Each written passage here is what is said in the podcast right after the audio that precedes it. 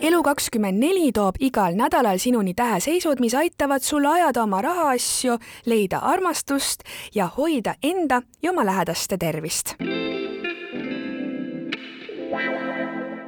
tänases podcastis kuulete, mida tähed sul uueks nädalaks ennustavad. hambur läheb tõeliselt särama, kuid neitsi võib leida ideaalse kodu, aga nüüd kõigest lähemalt. head kuulamist jäära entusiasm ja hoog hakkab nüüd üha järjest kasvama ning takistused tema teelt kaovad. nädal toob võimaluse parandada mingit olukorda või haava seoses sinu eneseväljenduse või isiksusega. tänu edukatele läbirääkimistele võib sinu enesetunne märgatavalt paraneda. Sõnnil avaneb nüüd võimalus uurida kergusega oma hinge kõige varjatumaid soppe ja viia seal läbi mingisugune tervenemine.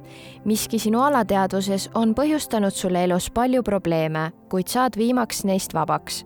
seda väärtuslikku aega tasuks kasutada mingiks teraapiaks kaksikute elus leiab aset mingisugune uus algus seoses suhetega. see võib olla konkreetselt uue suhte algus. oluline areng on olemasolevas suhtes või muutus selles, millist suhet kaksikud oma ellu üldse soovivad. nüüd võivad tulla üles ka vanad suhtehaavad, et neist viimaks terveneda ja vabaneda vähielus avaneb võimalus tervenemiseks otseselt seoses tema tervisega.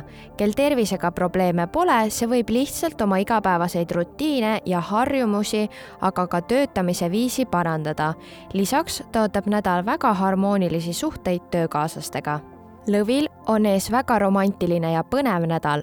kõik elumahlad lähevad voolama ja sa pulbitsed, et võtta elust parim.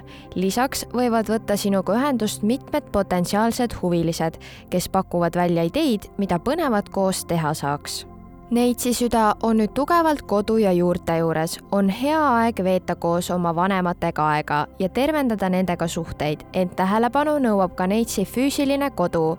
kui ta tahab seal midagi muuta, siis nüüd võiks seda teha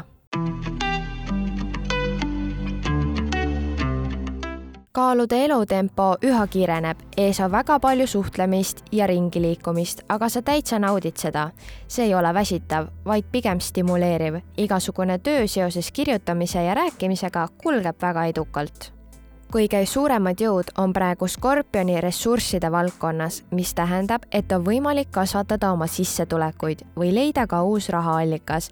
ent mõnel juhul näitab see seda, et sinu enesehinnang on paranemas ning hakkad ennast rohkem väärtustama hambur läheb sel nädalal tõeliselt särama. sa naudid iseendaks olemist ja teised naudivad ka seda. sa võid tunda inspiratsiooni midagi oma välimuses muuta või isegi garderoobi vahetada.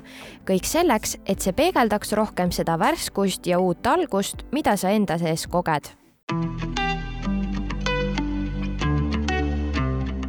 kaljukits eelistab praegu tahaplaanile hoida ja puhata aga ta võib kogeda ka väga harmoonilist sidet oma hinge ja elu spirituaalse poolega.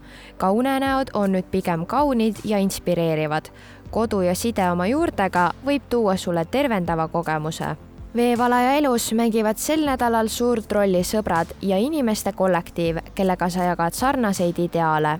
sa võid isegi siduda end täiesti uute inimestega, kes on põnevad, inspireerivad ja viivad sind elus edasi. suhtlemine sõpradega mõjub sulle kuidagi tervendavalt kalade karjääris on toimumas väga positiivsed arengud, neid märgatakse ja tunnustatakse. kalad on võimelised endast väga head muljet jätma ning nende populaarsus nii autoriteetide kui avalikkuse silmis kasvab. Ja tänu nendele sündmustele paraneb viimaks ka sinu enesehinnang sel nädalal tootasid tähed eriti põnevat nädalat kaladele, kuid ka kaljukits soovib sel nädalal veidi kõrvale hoida. ära jää ilma iganädalasest Elu24 horoskoobist. pane like ja follow meie sotsiaalmeediakanalitele ja telli digitellimus juba täna järgmine kord vaatame lähemale, mida toob detsembri esimene nädal tähemärkidele. sa kuulasid Elu24 horoskoobi podcasti. suur aitäh sulle ja kohtumiseni nädala pärast